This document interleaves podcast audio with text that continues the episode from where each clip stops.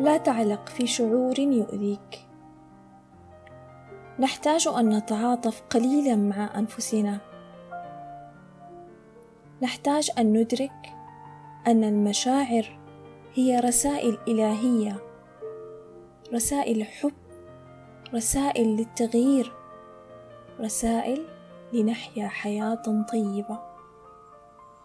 أليس من أسماء الله الرب؟ فهو المربي لعباده يربيهم بلطفه وحكمته يربيهم باسمه الرحيم الودود.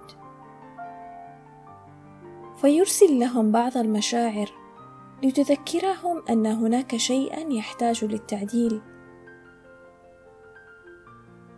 أنك ربما تحتاج أن تغير من أمر ما أن تتطور. أن تدافع عن نفسك أن تحب نفسك التي كرمها الله. الله يربينا بتلك المشاعر التي نعيشها مشاعر حزن أو ألم أو ندم أو ربما مشاعر الفقد والتعلق. كلها مرسلة من رب الوجود الذي أوجد كل شيء. لتخبرنا أن هناك شيئا لا بد أن ندركه وأن نفهمه. لنكمل طريقنا.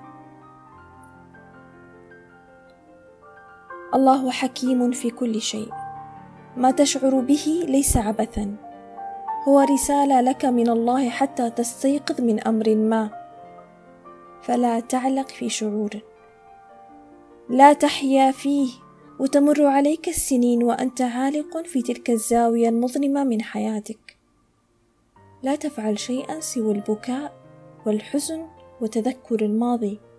أرجوك استيقظ. وحاول أن تدرك ما هي رسالة الله لك من هذا الشعور من هذا الحدث الذي يؤلمك من هذا الشخص الذي يؤذيك من هذا الحزن الذي يملأك.